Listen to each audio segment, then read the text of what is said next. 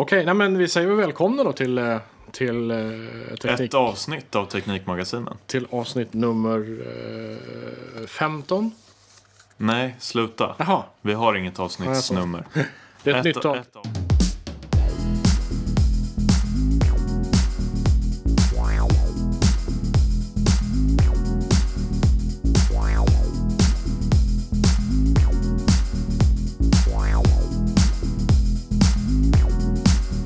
Välkomna till det här avsnittet av eh, Teknikmagasinet med eh, mig, Frippe Granlund. Och mig, Axel Eriksson. Jag tänkte vi skulle börja prata om Sverige, vår granne i väster.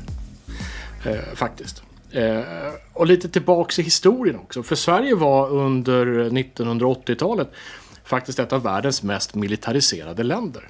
Jaha. Det tänker man inte på eh, faktiskt. Det svenska flygvapnet var under en, en period i alla fall världens fjärde största efter USA, Sovjet och Frankrike tror jag det var. Så var Sverige nummer fyra. Eh, och på eh, 80-talet, slutet på 80-talet så stod liksom den svenska militärmakten på sin topp. Man kunde mobilisera 800 000 soldater i händelse av krig. Idag får man ihop eh, 20-25 000 kanske. Så det är lite skillnad. Eh, det byggdes eh, fram till murens fall då, så byggdes det 40 000 bunkrar i Sverige. Det vet man inte heller ofta om. Eh, så. Det var dessutom ganska ordentliga bunkrar. Kärnvapensäkra många av dem. Säkra för termobariska vapen om du känner till det. Nej, det är ett nytt begrepp. Något Termobariska med värme och... Och Eh, tryck kanske? ja, Bar? ja Tryck? men såklart. Exakt, värmetryck. Det är en, en, en slags eh, flygfältbomb oftast då, som eh, inte detonerar direkt utan den släpper ut en gas över ett stort område. Sen antänds gasen och det skapar en, en väldigt het tryckvåg. Så det är tryckvågsvapen. Om den här gasen sipprar in i bunkern innan den antänds så kommer ju bunkern också explodera. Liksom. Eh, så det krävs lite extra eh, utrustning för att en bunker ska vara termobarsäker. Då. Men många av de här 40 000 bunkrarna var det. Eh, hela samhällsapparaten var konstruerad för att dämpa effekterna på civilsamhället av ett krig. Eh, hundratusentals svenskar som inte var värnpliktiga var istället insatta då i civilförsvaret och skulle färdigställa skyddsrum och sånt där. Det här är ju grejer som fortfarande funkar i Finland ska vi säga. Eh, så, I lite mindre skala, lite mindre land, lite mindre skala. Men här finns ju funktionerna fortfarande kvar. Inte just på Åland då, men i Finland. Eh, så att den sovjetiska invasionen var inte bara fruktad, den var liksom väntad. Fortfarande om man går runt i svenska grönområden så snubblar man hela tiden på eh, betongbalkar och järnringar och grejer som sticker upp i jorden. Som då var monteringsanordningar för luftvärnssystem. Finns runt om hela Sverige. Eh, hundratusentals sådana förberedda uppställningsplatser. Primära, alternativa och tertiära. Som man kunde omgruppera snabbt. Då. Och sen föll muren. Försvarsmakten la- eh, lades eh, ner. I praktiken så var det ju faktiskt så. De flesta bergrum fylldes igen med betong. Eh, eller såldes till näringslivet. Gamla regementsområden, det blev skolor. Eller företagsbyar eller någonting annat. Och det är ju därför som Sverige har så stort problem med sin försvarsmakt idag. Därför att man la ner allting och nu håller man på att bygga upp allting från noll igen. Det är ett otroligt dyrt arbete eh, som inte hade behövt vara på det sättet. Men det är det, det, är det så. Larvigt, dyrt alltihopa. Men 1980-talet då alltså. Genommilitariserat samhälle, massor med värnpliktiga som utbildas varje år. Det finns vapen, det finns så oerhört mycket vapen i Sverige. Vi är ju förberedda i Sverige för storkrig här, storstrid. Det finns stridsvagnar, allt från stridsvagnar till strumpor till automatkabiner i, i mobförråden överallt. Allt det där är borta idag.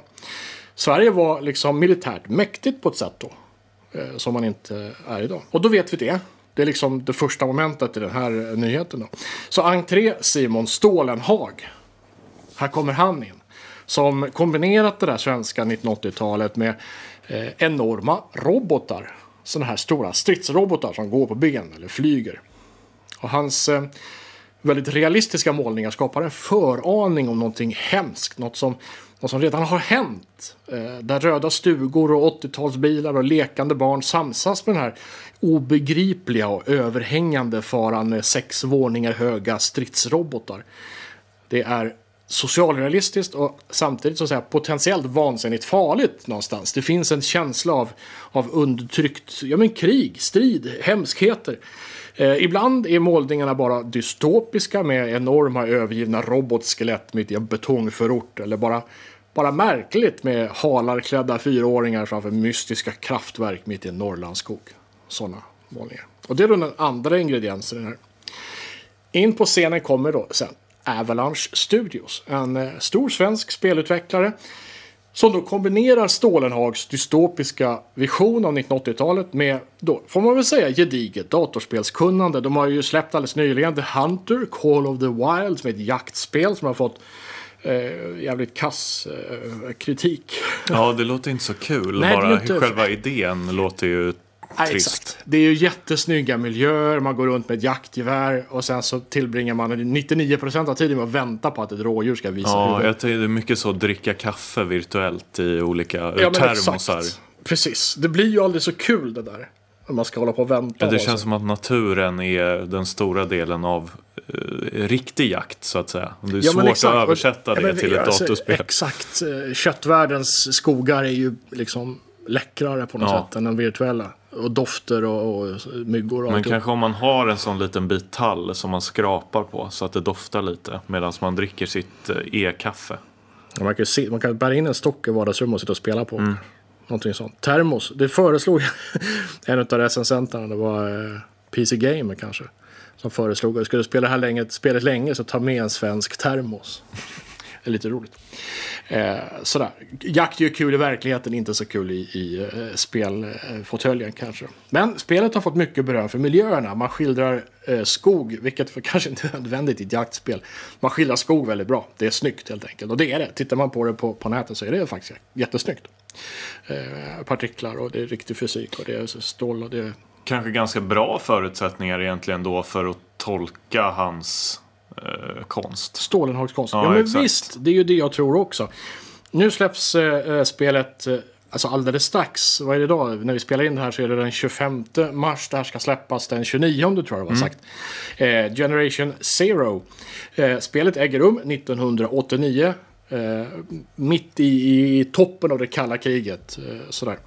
Eh, komplett då med eh, å ena sidan det här samhället som vi målade upp och då å andra sidan de här jättelika stridsrobotarna som man inte förstår var de kommer ifrån utan de bara finns där och de ska utrota alla människor och nu måste vi vi som är kvar på framförallt den här svenska eh, glesbygdsidyllen eh, försvara våra hem. Så. Eh, och i det här då så får man använda sig av vapen som, man, som jag har hållit på med när jag var i det militära. Det är eh, automatkarbin 4, det är k-pist modell 45B, det är kulspruta modell 50. Det är alla de här gamla klassiska vapnen skulle som fanns. se Frippes ansikte just nu. Han är eld och ja, jag sitter och studsar på min stol. Inga fordon är med i det här spelet än i alla fall. Det, är fortfarande, det som har visats upp är fortfarande en stängd beta. Eh, och det verkar inte som att det kommer fordon i den första lanseringen. Men kanske på lite sikt. Och kanske man kan få köra Mycket. runt med en svensk sittvagn S bland robotarna. Ja, det känns ju också som att eh, hans konst har mycket 240 och Saab i sig. Det är mycket 240 och Saab. Eh, det är Så det De får inte varit kul. heta Saab i spelet. Nej, det förstår man ju. Mm. Men eh, De heter någonting annat. Golvo 240, Typ. den jättefyrkantiga bilen. Det roliga är att man rör sig runt i den svenska, som jag sa, det, glesbygdsidyllen. Där fanns det ju överallt på landsbygden fanns det ju Konsum. Svenska Mm. kooperativets småbutiker. var ju bara de som fanns på landsbygden för att de var medlemsägda. De är de flesta borta nu då, sen det blev stor industri av alltihopa. Eh, de heter inte Konsum, för det varumärket ägs av någon annan. Men de heter sådär kundkraft eller någonting. Okej, Men det är ja. samma logotypstil, det är samma allting fast de heter lite olika saker. Mm. Eh, Bensinmackarna heter Tanko och sådär. Mm. Det, det, det är påhittat men det, men det ser ut precis som, Mm. jag minns det. Eh, från, du vet, när man åkte upp till sommarstugan i, på Väddö. Liksom passerade igenom allt det här. Så det, det, det är verkligen häftigt. Den här svenska, typiskt nordiska ska vi kanske säga, miljön. Att få spela i den och med svenska vapen är förstås jättekul för mig då. Men tror jag för, för alla. För att det här är en ovanlig. Och det här spelet ska ju släppas över hela världen. Så det innebär att amerikaner och tyskar och fransmän, alla möjliga kommer att få se då liksom nordisk landsbygd eh, på riktigt under 80-talet. Det är ett häftigt eh, stilbrott här tycker jag. Det, något som jag tänkte på är det, det här när man liksom har spelat ett spel och sen känner igen sig. Det finns ju en del bilspel Ja. där du kan köra i Stockholm till exempel.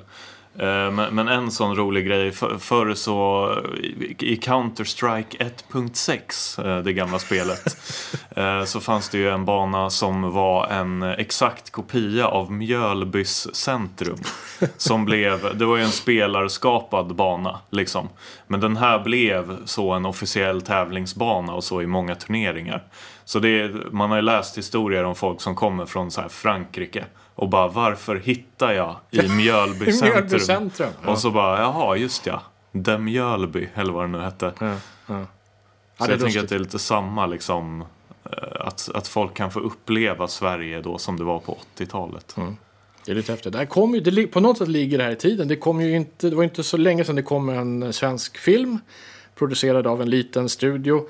Eh, som ju också handlar om ett dystop, en dy- dystopisk framtid. Så det kanske är det nya nordiska film och spelgenombrottet som kommer nu på allvar. Jag menar, vi har haft eh, nordiska spelutvecklare tidigare både i Finland och Sverige. Men där har det ju handlat om amerikanska miljöer, amerikanska sammanhang, amerikanska spelare framförallt man vill åt. Nu kanske det händer någonting, att det, det nordiska också får en plats i, i det här.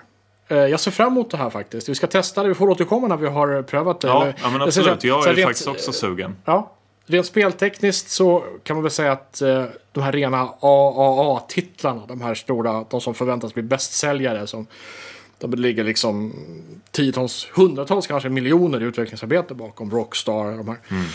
Eh, det är ju inte en sån titel, det här är väl en AA-titel och kanske lite mindre resurser man har lagt bakom. Man ser kanske att spelmotorn inte är, håller liksom toppklass. Men det är snyggt. Det är snyggt och och det är ju spelvärdet som, som ger det. Då. Jag tänker att i det här spelet så kommer ju känslan vara viktigare än något annat egentligen. Tänker det också. Jag får panga loss med en k-pist. Det har jag inte gjort sedan eh, 1989 Jag faktiskt. När jag ryckte in i det tror jag. militära. jag drömmer fortfarande om handgreppet för att byta magasin. Ja. Eh, jag tänker att det, det är svårt liksom, att begripa saker som vår tek- alltså vår, vi, vi människor, vår teknologiska nivå, eh, som, som vi inte har upptäckt än. Alltså om vi inte har redskapen, de teknologiska redskapen för att begripa ett sammanhang så kan vi heller inte förstå det, hur, hur smarta vi än är. Eh, jag tänker det, det elektromagnetiska fältet till exempel. Antalet svängningar i elektriska och magnetiska fält som då avgör fältets egenskaper. Det är ju liksom basal fysik. Eh, du har synligt ljus på en del av spektrat och dödlig eh, Eh, röntgenstrålning på en annan del av spektrat. Sådär. Men det är samma mekanik bakom. Och före 1895 så hade man ingen aning och det var då röntgen upptäckte röntgenstrålningen. Då. Före, före det så hade man ingen aning om vad som orsakade strålningsskador. Men det uppstod ändå. Arbetare i gruvor där man bröt eh, eh mineraler som finns i sandsten och kvarts till exempel. Där finns det också väldigt eh, ofta eh, uranitit då, som är för, före eh, så här, förprodukten. Malmen, typ. ja, före, Innan det blir malm så, så eller malmen kan bilda uranitit så kan man säga. Men där det finns uranitit där finns det också brytbar uran. Då, i malm. Eh, där fick, de fick ju strålningssjuka. Folk som handlade med det som kallades för pechblende. Eh, ju tyska då. Det är uranitit då. Eh, för det var ju, det var ju en eh, snygg eh, metall. Eh, jag menar, man kunde tillverka... Eh, det, fanns, eh, det fanns de som tillverkade ett slags värmeaggregat som du hade om det var vinter och var kallt. Och sen fickvärmare typ. Som då var en liten bit uran i, i en, eh, en behållare som du hade i fickan. Så värmde fingrarna på när det var kallt. Sådär. Det kryper i en när man tänker på det. Marie Curies laboratorium utanför Paris är fortfarande så eh, Eh, strålningssmittat så du, du får inte ens gå in i laboratoriet som finns som museum. Du får stå utanför och titta in. Eh, och att de här människorna så småningom fick strålningsskador väldigt många eller cancer vid tidig ålder och, och sen dog ganska snabbt. Man fattar ju inte, man kunde inte dra sambandet. Var, varför, var, det är ju inte gift, man, har ju inte, man går ju inte och tar direkt på metallen. Hur kommer det sig att man ändå blir sjuk? Sådär. Det var ju förstås radioaktiv strålning då. Det här är något som vi behärskar helt, åtminstone teoretiskt idag då.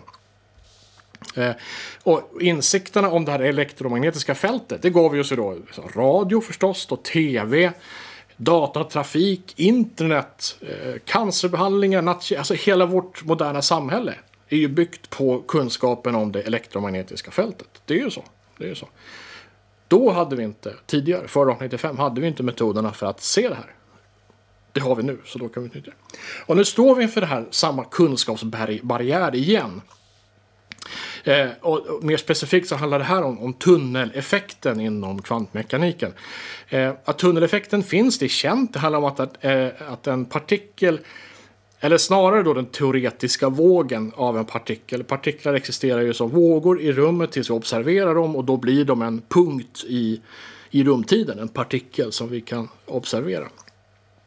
Det här är ju också ett, ett, ett problem när det gäller just att observera kvantmekaniska händelser eftersom de förändras i och med att vi betraktar dem. Det är ju, det är ju mäcket då. Liksom. Men då visar det sig då att den teoretiska vågen av partikeln kan ta sig igenom oträngliga barriärer, potentialbarriärer. Alltså ett tillfälligt och lokalt maxvärde av potentiell energi. Och potentiell energi, det vet vi, det är till exempel om du vrider upp en klocka. Så länge klockan tickar så omvandlas potentiell energi till rörelseenergi. Också basal fysik. Så. Men att den kan ta, ta sig igenom det här lokala maxvärdet av potentiell energi, det är jättekonstigt. Eh, Därför att det krävs mer energi att ta sig igenom barriären än vad partikeln, en elektron i det här fallet, är laddad med. Eh, det borde inte kunna passera. Det är som att ta sats med, med cykel nerför en kort ramp på någon meter och sen så rulla hela vägen upp för Årdalsklint utan att trampa. Det, förbrukar, det borde förbruka mer energi än vad man har lagrat. Liksom. Eh, det, man kan ju inte göra så. Alltså borde partikeln studsa mot den här barriären. Men den tränger igenom. Det är tunneleffekten. Och det har man alltså kunnat mäta tidigare. Nu har man räknat på hur snabbt det går. För en elektron så är tunneleffekten ett sätt att fuska sig ut från en atomkärna. Och förändrar du elektronens laddning tillräckligt mycket så kommer den att släppa från atomkärnan. Då enligt den relativistiska regelboken. Så att säga. Det är också känt. Så. Det här kunde Einstein räkna på. Det behövs ingen kvantmekanik för det här. Men om du förändrar laddningen bara lite så räcker det inte för att den ska försättas på fri fot enligt det relativistiska synsättet.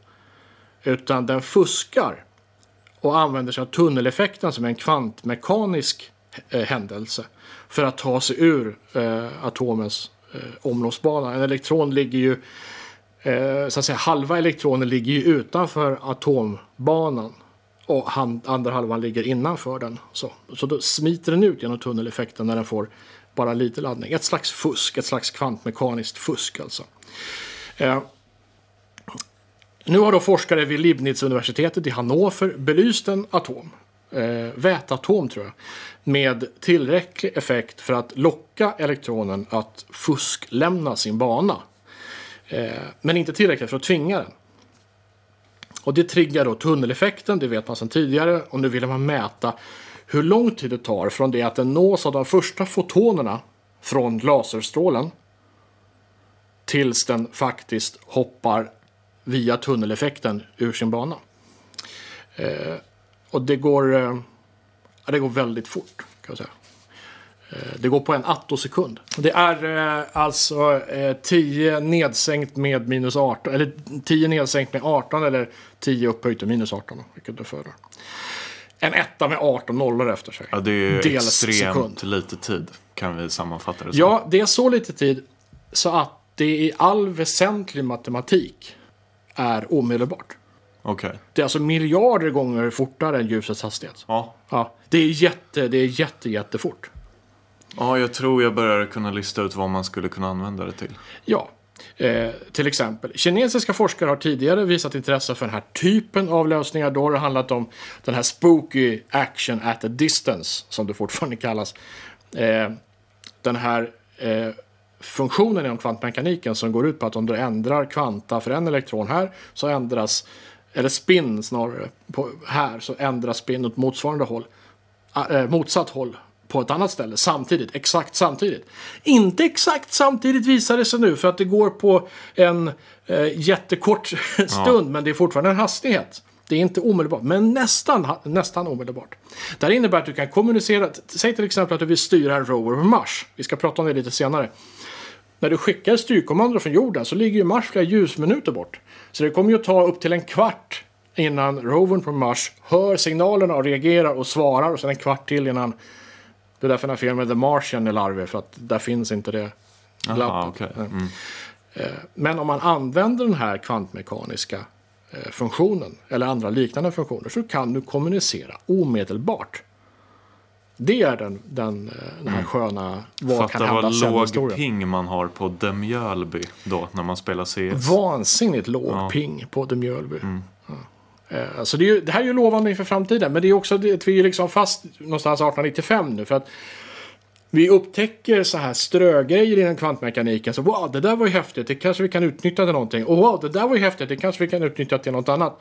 Men vi har ingen övergripande förståelse av hur hela det kvantmekaniska fältet fungerar och samverkar. Och framförallt kan vi inte förena den relativistiska synen på, på ja, makrokosmos egentligen med, med den kvantmekaniska synen. Den här eh, allöverspännande teorin då som ska kombinera, den finns ju inte än. Och det är vi inte ens nära att lösa. Man försöker med strängteorin som inte riktigt vill funka och sådär. Eh, så att när vi väl har förstått det här, oj vilka framsteg. Ja, det är sjukt. Men eh, borde man inte kunna använda det till någon slags processor också? Alltså grejen är att vi använder ju tunneleffekten till exempel, den använder vi ju redan. Eh, svepelektronmikroskop bygger på tunneleffekten. Flashminnen bygger på tunneleffekten. Men den bygger på tunneleffekten utifrån perspektivet vi vet inte vad det här är. Men vi märker att när vi applicerar teknik på det här sättet så händer det här. Och det är ju bra. så Det vi fortsätter funkar med det. men vi vet inte Ja, varför. ungefär så. Ungefär så. Så att en, en komplett förståelse av hela, hela fältet skulle göra att vi kan förstås skräddarsy lösningar som bygger på de olika funktionerna. Mm. Eh, så att det blir spännande i framtiden kan vi säga. Eh, Det skulle ju kanske gå att applicera på det jag tänkte prata om också. Du har säkert eh, inte kunnat missa Google Stadia, gissar jag. Just det. Eh, kanske ändå den största gamingnyheten på länge. I alla fall på den här veckan skulle jag säga. Ja. Eh, man har ju länge pratat om det här med att eh, streama spel. Eh, men det har varit lite svårt att lösa. eh, Tydligen. Men det verkar ju som att den här tjänsten nu fungerar. Kanske behövdes eh, Eh, Googles enorma ekonomiska muskler för att få ihop de här datacentren som krävs. Ehm, de berättar att man ska kunna starta ett spel på fem sekunder. Eh, och den här tjänsten ska på något sätt vara ganska integrerad med eh, Youtube. Slutanvändaren kommer bara behöva en dator, mobil, Chromecast eller vad som helst som egentligen klarar av att streama video. Ehm, och det ska ju helt enkelt fungera som så att du startar upp eh, klienten på din mobil eller din TV eller vad som helst och så trycker du på ett spel och sen så, ja vad ska man säga, spelet renderas i Googles datacenter och du får bara en videostream eh, hem till dig som ju då i praktiken är spelet vilket ju innebär eh, att du kommer kunna spela alla nyaste, häftigaste spel även om du inte har den nyaste, häftigaste datorn eh, till exempel. Vad det kommer att kosta och sådär är väl lite oklart eh, än så länge och sen har jag inte sett några jättetester för i mitt huvud så låter ju det här omöjligt. ja, visst. Alldeles för bra för att vara Eh. sant. Ja, eller i alla fall, för det är flera som har försökt det här. Eh, Ja, men du har ju Valve till exempel. De som håller på med Steam då. Steam Powered. Vi ska prata om det också lite senare. Eh, de har ju metoder för att du då kan sitta, du kan ha din, din spelmotor, själva speldatorn i ett rum och sen så kan du lira på en, en skärm någonstans för att innehållet speglas. Men det sker ju då liksom inom ett lokalt nätverk där du har full kontroll över dina kablar som går hemma. Eh, och då, då funkar det ju. Här handlar det om att eh, skicka grejer över, eh, över internet. I och för sig, stora delar skickas trafiken över Googles eget ägda, egen ägda del av internet, så att säga, deras egen staminfrastruktur. Och det är ju bra, för där är ju latensen jättelåg och eh, så här, kort, korta pingtider då, för att översätta det. Eh, och där skulle, men alltså, sista biten så är det ju ändå inte Google som äger Liksom. Så här på Åland så kan det ju vara IP Connect eller, eller Allcon kanske då, som äger eh, den lokala infrastrukturen. Så det ska passera genom deras routrar och switchar och servrar innan det når till någon kopplingspunkt i ett hyreshus där du bor. Och där ska det vara ännu mer förgreningar med kopplar och sladdar och kablar. Allt det här tar ju tid och det gör att latensen då ökar. Precis, och Så anledningen till att det blir extra känsligt är ju att eh, dina tangentbordskommandon ska iväg till datacentret och sen ska du få en videoström tillbaka. Precis. Det är ju det menar- som gör, eller det är det som gör att jag tycker att det känns för bra för att vara sant. Ja, och latensen där, så det finns ju, söker du på nätet, jag kollar lite nu för sändning, eh, så finns det ju massor med trådar som handlar om hur du ska förbättra svarstiderna mellan ditt USB-anslutna tangentbord och datorn när du spelar shooters. Det är ofta det som är liksom, eh, där det krävs snabbast reflexer. Men där handlar latenserna redan om, de mäts i mikrosekunder. Eh, när vi pratar latenser på internet så pratar vi om millisekunder. Har du en, en, en pingtid på kanske 25 millisekunder så är väl det ja, på gränsen till för högt. Liksom. Eh, och en millisekund är tusen gånger eh, långsammare än en mikrosekund. Så det handlar om, om alltså faktor av flera tusen gånger långsammare. Eh, bara genom att man använder ett IP-protokoll. Mm, Eh, så. så jag kan inte begripa hur det här ska funka. Jag, jag gissar att du kommer aldrig kunna spela snabba FPS-liv. Nej, så det tänker ju jag också. Ja. Strategispel, det funkar ju. Jag menar, Europa Universalis 4, det borde ju vara guld att kunna spela Ja, på det precis. Med snabba grafiktunga spel. Jag fattar inte hur de ska få ihop det. Nej men så som jag har förstått det så ska de också koppla ihop det med YouTube eh, ganska mycket. Och de har ganska intressanta visioner och funktioner där. Eh, tycker jag. Det finns ju i princip två stora eh, aktörer för att streama spel på internet i den gamla bemärkelsen. Alltså att du skickar ut en videofil när du sitter och spelar och larvar dig och så tittar någon på det. Eh, och jag gissar att de försöker klämma till Twitch lite då som är den andra stora eh, aktören med det här. För att man kommer nämligen kunna titta på någon som spelar och sen bara ta över. Ja, det skickas ju två själv. separata videoströmmar. Exakt. Bägge i 4K och 60 FPS då. Ja, Eh, och den ena är för tittning. Och, och Den andra är för späkning spel, antar jag då. Ja, och den andra är för själva spel. Men jag menar, hur ofta ska man inte se en video på YouTube och så ser man bara det här röda snurrande ljudet? jo, absolut. Att YouTube funkar överhuvudtaget och att det funkar i högre upplösningar det beror ju på att innehållet buffras lokalt. Så att videofilen skickas ut stötvis. Ju mer, alltså så mycket som möjligt under korta perioder när det, när det finns utrymme och sen så kanske sakta ner lite och så lite snabbare. Men där har du ju en buffert. Därför att det krävs ingen återkoppling. Liksom. När du spelar så måste ju strömmen vara konstant och helt avbrottsfri under hela spelsessionen. Annars kanske du dör eller, i spelet då, eller, eller, eller misslyckas med ett uppdrag eller någonting. Och hur de ska få YouTube till att bli vad det handlar om då systemkritisk i, i, i sammanhanget. Det, det är bortom Ja, det är obegripligt Ja, för mig också. Men de verkar ju vara väldigt kaxiga och säger att det funkar. Så jag vet inte, vi får väl se. Mm. Ehm, Man kan ju säga att Google är en av de operatörer i världen som äger flest datacenter. Som har mest beräkningskapacitet på, på jorden. Och eh, inte den som äger mest fiberkabel, men ligger i toppen i alla fall. Om något företag kan få det att funka, så kan vi väl säga. Så är det väl antagligen då Google. Men det kommer i alla fall, förändra, om det funkar, det kommer ju förändra hela marknaden. Det kommer det göra. Det kommer det göra. Eh, alltså dels så kommer det ju alla som inte har råd liksom med, med stora gaming-riggar kommer ju kunna spela allt nu. Liksom. Och en grej som jag tyckte var kul, som jag inte hade tänkt på, som jag läste igår, det var att eh, all mjukvara körs ju i Googles datacenter. Så ingen kommer kunna fuska. Det är inga aimbottar. Nej, exakt. Nej. Det är ju ändå rätt Otroligt kul. positivt. Ja. Mm.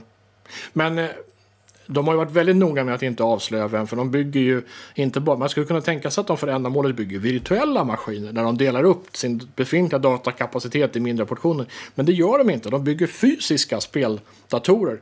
Eh, de blir inte dedikerade så att du har en speldator hos Google som du alltid använder. Utan det här kommer ju att fördelas så att trycket blir, liksom belastningen blir jämn naturligtvis. Då. Eh, men Eh, det är ändå fysiska maskiner. De har varit väldigt försiktiga med vem som tillverkar hårdvaran. AMD gör grafikkretsen, det har de gått ut med. Det är förmodligen en Vega 2-motor, Vega 2, ett Vega 2-grafikkort med, med lite mindre minne. Eh, så, men vem som gör själva CPUn, det har de inte offentliggjort. Det är Intel, men de har inte offentliggjort Ja, det. nej precis. För De har ju problem- för- skrivit hyperthreading så att det måste ju Det vara måste vara, precis, det är Intel. deras varumärke. Men det är ändå så att eh, alla de som idag vill kunna spela nya datorspel, och vi är ganska många, det är eh, jordens största industri, und, underhållningsindustri just nu, större än filmindustrin. Eh, vi måste ju ha en dator som klarar av prestanda som spelet kräver. Inte sant? Det behövs ju inte lika många datorer i ett datacenter eftersom vi spelar ju inte 24 timmar om dygnet alla dygn i veckan året runt utan vi spelar ju ibland på kvällarna när vi kommer från jobbet. Liksom. Alltså blir det ju färre sålda processorer och grafikkort, minneskretsar. Det här kommer ju innebära att hela eh, alltså speldatormarknaden bara som sprängd ballong. Bara, puff, Mm. Ja, och så- den går i och för sig rätt dåligt eh, numera också. Ja, men då kommer det men- gå ännu sämre. Absolut. Ja. Vad finns det för incitament för företag som Nvidia och AMD att ta fram nya grafikkretsar när det finns en branschstandard som bygger på nu kanske föråldrad teknik som ändå är det som spelutvecklarna måste förhålla sig till om de vill kunna sälja sina spel. Mm. Det blir ju, ja, jag är skeptisk. Nästan som man hoppas att det inte funkar. Ja, lite så Mm. faktiskt. Och sen vill man ju inte att Google ska ha mer makt heller. Känner jag. Jag De har redan tillräckligt eh, med utrymme på internet. Mer makt till mig skulle jag vilja säga. Nej, Inte det. nej. Jag har ganska Nej, sunda inte. åsikter. Ja, jo, kanske det. Eh, Ska vi gå vidare då? Det kan vi göra. Eh, vi fortsätter på det här med spel tycker jag. För det har ju i väntan på Google Stadia så finns ju våra vanliga speldatorer kvar och också då våra spelåterförsäljare. I tidernas begynnelse, alltså 1998, eh, så släppte då amerikanska Valve första delen i Half-Life-sagan. Har du spelat Half-Life? Jajamän. Ja. Det var fantastiskt, fantastiskt bra när det kom. Ja, kanske. Jag var nog lite för liten och rädd, tror jag. Jaha, okej.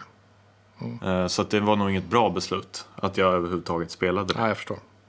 Ja, det var, det var jättebra. Det var ju banbrytande när det kom. Det var helt magnifikt. Eh, efter tvåan så tappade de farten lite. Det vart inte så bra. Eh, så. Men de tjänade väldigt mycket pengar på Half-Life. Med rätta får man väl säga. Och precis som eh, under guldruschen i USA så insåg ju företaget att, att det inte, vi ska inte liksom eh, åka dit och gräva guld för det lönar sig inte. Vi ska sälja spadar. Och det är det man gör när man säljer spadar. Man säljer en marknadsplats dit utvecklare kan vända sig för att sälja sina spel. Och vi då vanliga konsumenter, vi går in på marknadsplatsen. Steam heter den. Och där köper vi våra spel. Vi underhåller våra spel. Den upp, de uppdateras automatiskt. Det, är ganska praktiskt jämfört med förr när man var tvungen att göra sånt per spel eh, själv manuellt. Sådär. Eh, idag så är ju då eh, Steam den största marknadsplatsen, egentligen den enda marknadsplatsen. De olika mjukvaruspelutvecklarna de säljer ofta sina egna spel digitalt via en egen sajt eller en egen sådär. Eh, men det är väldigt få som köper sina spel. Så 80% av alla spel köps digitalt då. Folk går ju fortfarande i butiker och köper i boxar. Men den digitala marknaden, 80% ägs av Steam. Så de är eh, ja, i princip ett monopol. ja, ända tills nu då. För det här har gått alltså, rasande bra. Förra året hade man 250 anställda, en vinst på drygt en halv miljard dollar på en omsättning på 3 miljarder dollar. Eh, så det gör företaget till det mest lönsamma per anställd i hela USA. Det är pengar i det här. Och eh, ja, nu händer det någonting då. För att när det efterlängtade storspelet Metro Exodus, som är från början ett ryskt spel, som utspelar sig i den ryska tunnelbanan, baserat på en bok som heter Metro 2033 tror jag. Har du spelat spelet? Inte. Nej. Kan rekommendera dem. Alla tre faktiskt, det är ju en trilogi nu. Eh, riktigt, riktigt vasst eh, spel med väldigt specifik, speciell eh, rysk dystopisk berättelse eh, tonanslag i, i serien. Jag gillar det verkligen. Eh, och nu skulle då Metro Exodus, den senaste i, i radien, släppas Eh, för en månad, i, februari. Alltså. Jag räknar ju dagarna eh, tills det då. Eh, många hade förköpt spelet via Steam för att få ett lägre pris och lite freebies när det släpptes. Och plötsligt bara ett par veckor innan lanseringen så säger de utvecklarteamet, som är ukrainska för övrigt, Så när vi byter återförsäljarplattform från Steam till Epic, Epic Store. Eh, och det fick ju folk att gå i taket. Här har vi betalat pengar och det skulle inte ens gälla längre. De som hade förköpt via Steam. Det ändrade sig, det löste sig. Och de som hade köpt det via Steam fick det till och med någon dag tidigare tror jag. Så allting löste sig till det bästa. Men det här innebär att en stor AAA-titel, ett av de dyraste spelen som har släppts i år, än så länge i alla fall, eh, plötsligt bara byter plattform. Man byter till, till Epic istället. Det här innebär ju för, för oss då seriösa inbitna gamers som har liksom ett spelbibliotek med kanske 50 olika speltitlar i Steam. En del är ju det är bara en del kanske som ligger på hårddiskar. Resten kan man installera eller avinstallera när det passar. en. Allting finns ju där. Man har sina grejer som man har bytt till sig eller köpt eller som man har köpt av andra spelare. Man har eh, uppdrag sparade i molnet, man har sparade scenarier i molnet. Allting finns liksom inom Steam. Om det här splittras upp nu och så blir det liksom Epic och Steam. Vilken ska man, olika spel släpps på olika plattformar. Det blir ju det blir trassligt, minst sagt. Du känner djup ångest? Ja, jag känner djup ångest inför det här. Alltså, det gör jag faktiskt. Eh, och det är inte bara jag, utan det här, det här rasar ju just nu på internet. Det här slaget mellan förespråkarna till för, vad det då handlar om konkurrens, mm. basically. Mm. Och eh, förespråkare för eh, att det ska vara Allt enhetligt. ska vara på samma ställe. Ja. Rasar för fullt. Det finns ju en förklaring förstås till det här, det här, de här bytena som sker nu då. Eh, för det här Metro-teamet då, de, i och med att de bytte, så försöker de förklara för sina fans varför. Och en led i förklaringen var att släppa eh, prisöverenskommelserna. Som egentligen var hemligstämplade, så här företagshemligheter. Men de släppte bara för att deras fans inte skulle bli ledsna. En eh, fin handling tycker jag. Jag tror att de sitter ganska säkert för stämningar i Ukraina just nu också. Eh, då visar det sig att eh, Valve, för varje spel du släpper på Steam så tar Valve 30-35% av bruttointäkterna. Eh, Epic tar 12. Det är ju faktiskt helt sjukt. Ja. Så det finns, man kan ju förstå att, ja. att företag byter. Ja, det är ju jättemycket. Mm. Det, ja, det låter ju ungefär som... Ja, det är från en tredjedel till en tiondel. Alltså. Ja, exakt. Mm. Detta om detta. Du frågade innan här, det blir mycket rymd va? Så det, det blir faktiskt det. Det blir en, en grej om, om rymden. För, för snart så skickar ju NASA en ny Rover till Mars. Eh, jag vet inte om det blir den fjärde ordningen kanske. Av det självkörande rover alltså. Det, det finns en, en, en, mängd olika eh, stationära också. Eh, en senast sent förra året, Insight. Men en ny rover ska det bli. Den här gången så skickar de inte bara själva rovern utan de skickar med en liten radiostyrd helikopter också. Det tycker jag är spännande. För att få den att flyga på Mars, det är inte lätt. Till att börja med är atmosfären så tunn att en Alltså bara en flygtur precis ovanför marken. Det är som att flyga på 30 000 meters höjd på jorden. Det finns nästan ingen atmosfär där. Eh, och tittar vi på, på jorden igen då och helikoptrar här så ligger världsrekordet för en helikopter på 12 440 meter. Det här slogs 1972 tror jag. Men det var också så, så, lite syre på den höjden och det är inte jetmotorer så bägge motorerna på helikoptern slocknade och rasade till marken. Det är också rekordet för den eh, längsta eh, flygturen med autorotation. För vad du gör när en, fly, när en helikopter håller på att krascha det är att du eh, frikopplar rotorn som då börjar rotera automatiskt i vinden av vinddraget. Ja, ja, liksom. Och sen det sista du gör innan du slår i marken är att du kopplar på drivningen igen och då kommer och sen drar spaken åt dig och fläktar upp rotorbladen och då kommer du ha några sekunder av lyftkraft innan du kraschar och då kan du landa säkert. Det gjorde han. Han överlevde, inga problem alls. Men eh, det är svårt. Det är därför helikoptrar bara flyger upp eh, bergsklättrare till Mount Everest till första basläget på 6000 meter. För sen blir det svårt alltså. Du kanske kan få helikoptern att lyfta lite men du får inte mer än någon packning och inga fler människor. Sådär. Det är därför man inte hämtar ner skadade till exempel från Mount Everest. Då. Nu ska vi säga också att alldeles nyligen så var det faktiskt en helikopterpilot som lyckades landa på toppen på Mount Everest eh, i ett världsrekordförsök. Eh, så, eh, högsta landningen, den högsta landningen tror jag det blev, så, enligt Guinness. Så det går, men det är jättekomplicerat då. Eh, skälet till det, det är ju att det inte handlar om aerodynamik i flygkroppen. Om du tänker ett vanligt eh, trafikflygplan så flyger det ju aerodyn- aerodynamiskt genom luften. Så den har en egen uppåtbärande kraft med sina vingar. Helikoptern har inga vingar, vingarna är rotorn. Och saknar rotorn lyftkraft så kan den heller inte flyga aerodynamiskt genom luften. Det är därför det är svårt då. På Mars så är gravitationen lägre, 38 procent av jordens bara. Det hjälper till lite grann, men inte så mycket som man skulle kunna tro. Så man måste då konstruera en helikopter som, som inte ens kan testflygas på jorden. Vi kan ju skapa lågtrycksatmosfär på jorden i NASA har ju enorma behållare och kan pumpa ur all luft och så. Där kan man ju provflyga. Men vi kan inte skapa, och så kan vi, vi kan ju skapa låggravitationsmiljöer på jorden också faktiskt genom att skjuta upp grejer i luften och sen låta dem falla ner igen. Under en liten period där så är saker helt tyngdlösa. Eller du kan ha en centrifug där du då eh, motverkar G-krafterna men då det blir inte så mycket plats att flyga en helikopter på. Ja, det blir knepigt kan man säga. Jätteknepigt. Ja. Och det, det, framförallt kan vi inte göra bägge sakerna samtidigt. För det finns på jorden ingen enorm centrifug inuti en vakuumbehållare.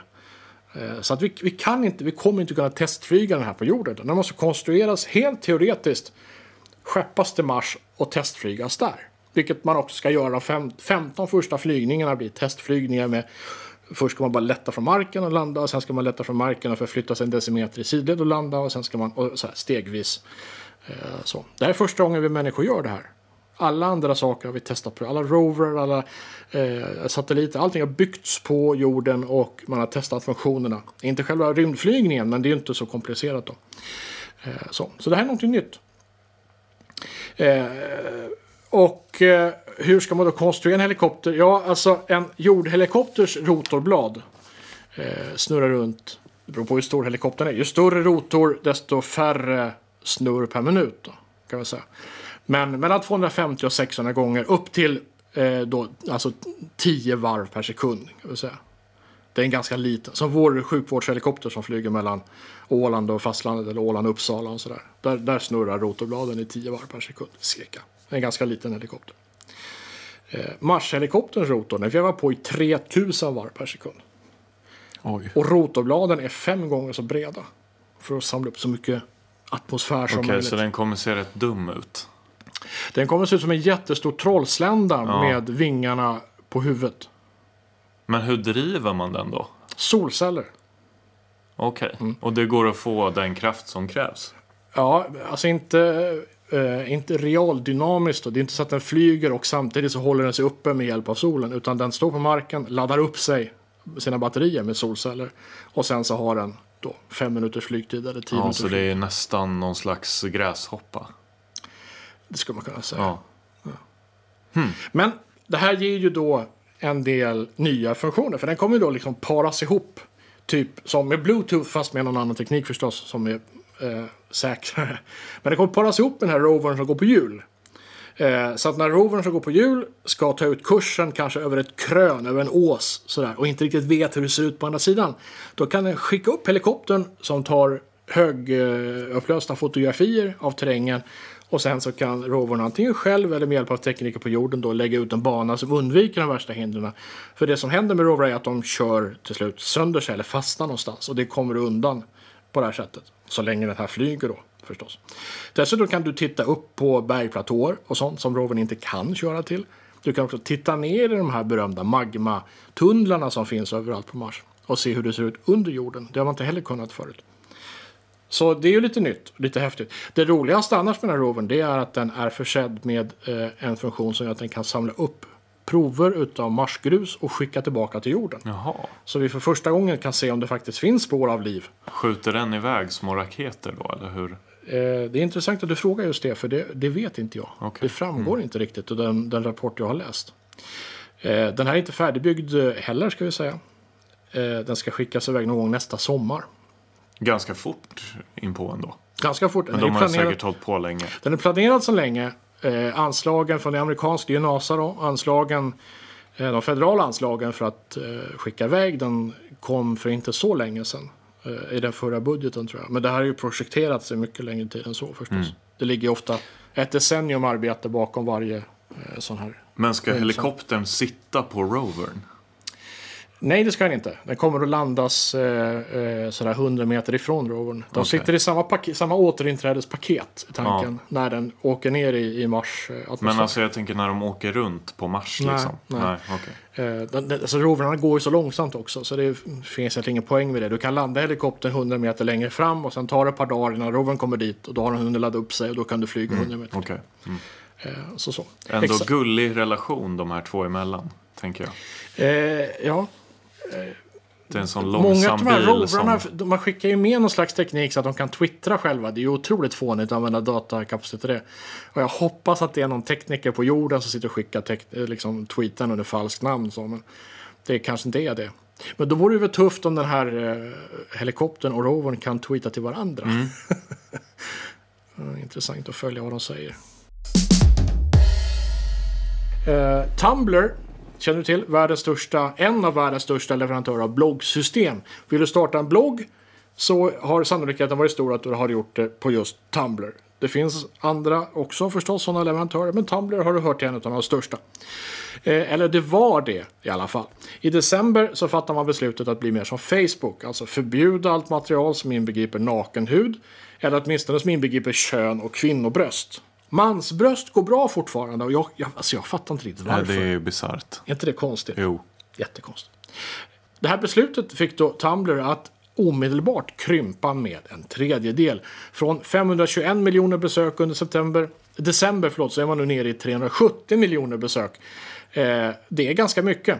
För det är så, när bloggarna slutar skriva om sex, då slutar besökarna att läsa och då tappar man eh, folk helt enkelt. Eh, en talesperson säger till amerikanska PC Magazine att det var ändå rätt beslut. I längden Ja, det är väl möjligt. Eh, kanske. Eh, det här har ju inte inneburit någonting annat än att de som bloggade på Tumblr om sånt som in, eh, inbegrep då bara bröst. De gör det fortfarande men de har flyttat till en annan plattform där det är tillåtet. Så, det, så här, världen blev varken bättre eller sämre av det här.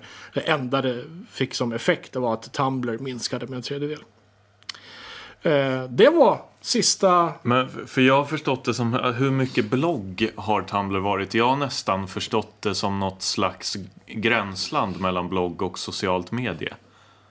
För Det- att alltså väldigt mycket av eh, de, nu har jag har ju liksom inte egentligen använt Tumblr överhuvudtaget men alla som gillar någon eh, fetish-aktig grej har ju alltid hängt där. Vad jag har liksom Det är väl så här. Jag tror att, jag tror att det är, jo, du har rätt. Jag tror att det är så här att även om vi i, i Norden inte riktigt vill erkänna det så finns det ett, ett väldigt stort antal sexarbetare där ute i Mm. världen. De måste ju få marknadsföra sina, kan man tycka, tjänster så länge de är lagliga på ett forum någonstans. De får inte vara på Facebook. Mm. Var är de då? Ja, Instagram tillåter naket. Eh, Twitter tillåter naket. Tumblr har tillåtit naket. Det har blivit en sån samlingsplats. Men om man säger att Facebook på något sätt ändå är nödvändigt att ha för många företag och entreprenörer idag så är inte Tumblr lika viktigt på det sättet. Därför att den som vill läsa om den eller den porraktrisens förehavanden gör det var hon eller han än finns någonstans. Och det är det som händer nu. Ja, är vi klara? Eh, ja, kanske. Mm. Jo, nej men det är vi nog. Jag tror det. Säkert. Ganska nära en timmes program också. Ja. Mm. Eh, det börjar sitta i ryggmärgen. Jag tycker det också. Tills eh, nästa gång så vill jag hälsa i alla fall ha det gött. Det tycker jag är en rimlig förhoppning ändå. Att ni där ute har det riktigt fint. Eh, inte för bra kanske. Nej, utan att ni fortfarande känner lite lagom saknad också efter nästa, nästa avsnitt av Teknikmagasinet som blir avsnitt... Någonting. Ja, nästa Det avsnitt. blir ju det här avsnittet fast nästa. Ja, precis. Bra, tack för idag. Ja, Fan, jag var lite för trött för att göra det här kände jag. Men... ja men det blev väl bra. Inga gubbljud heller. Nej. Speciellt mycket i alla fall. Och kanske Ja. Och ner från 30. Ner från 30. Ja,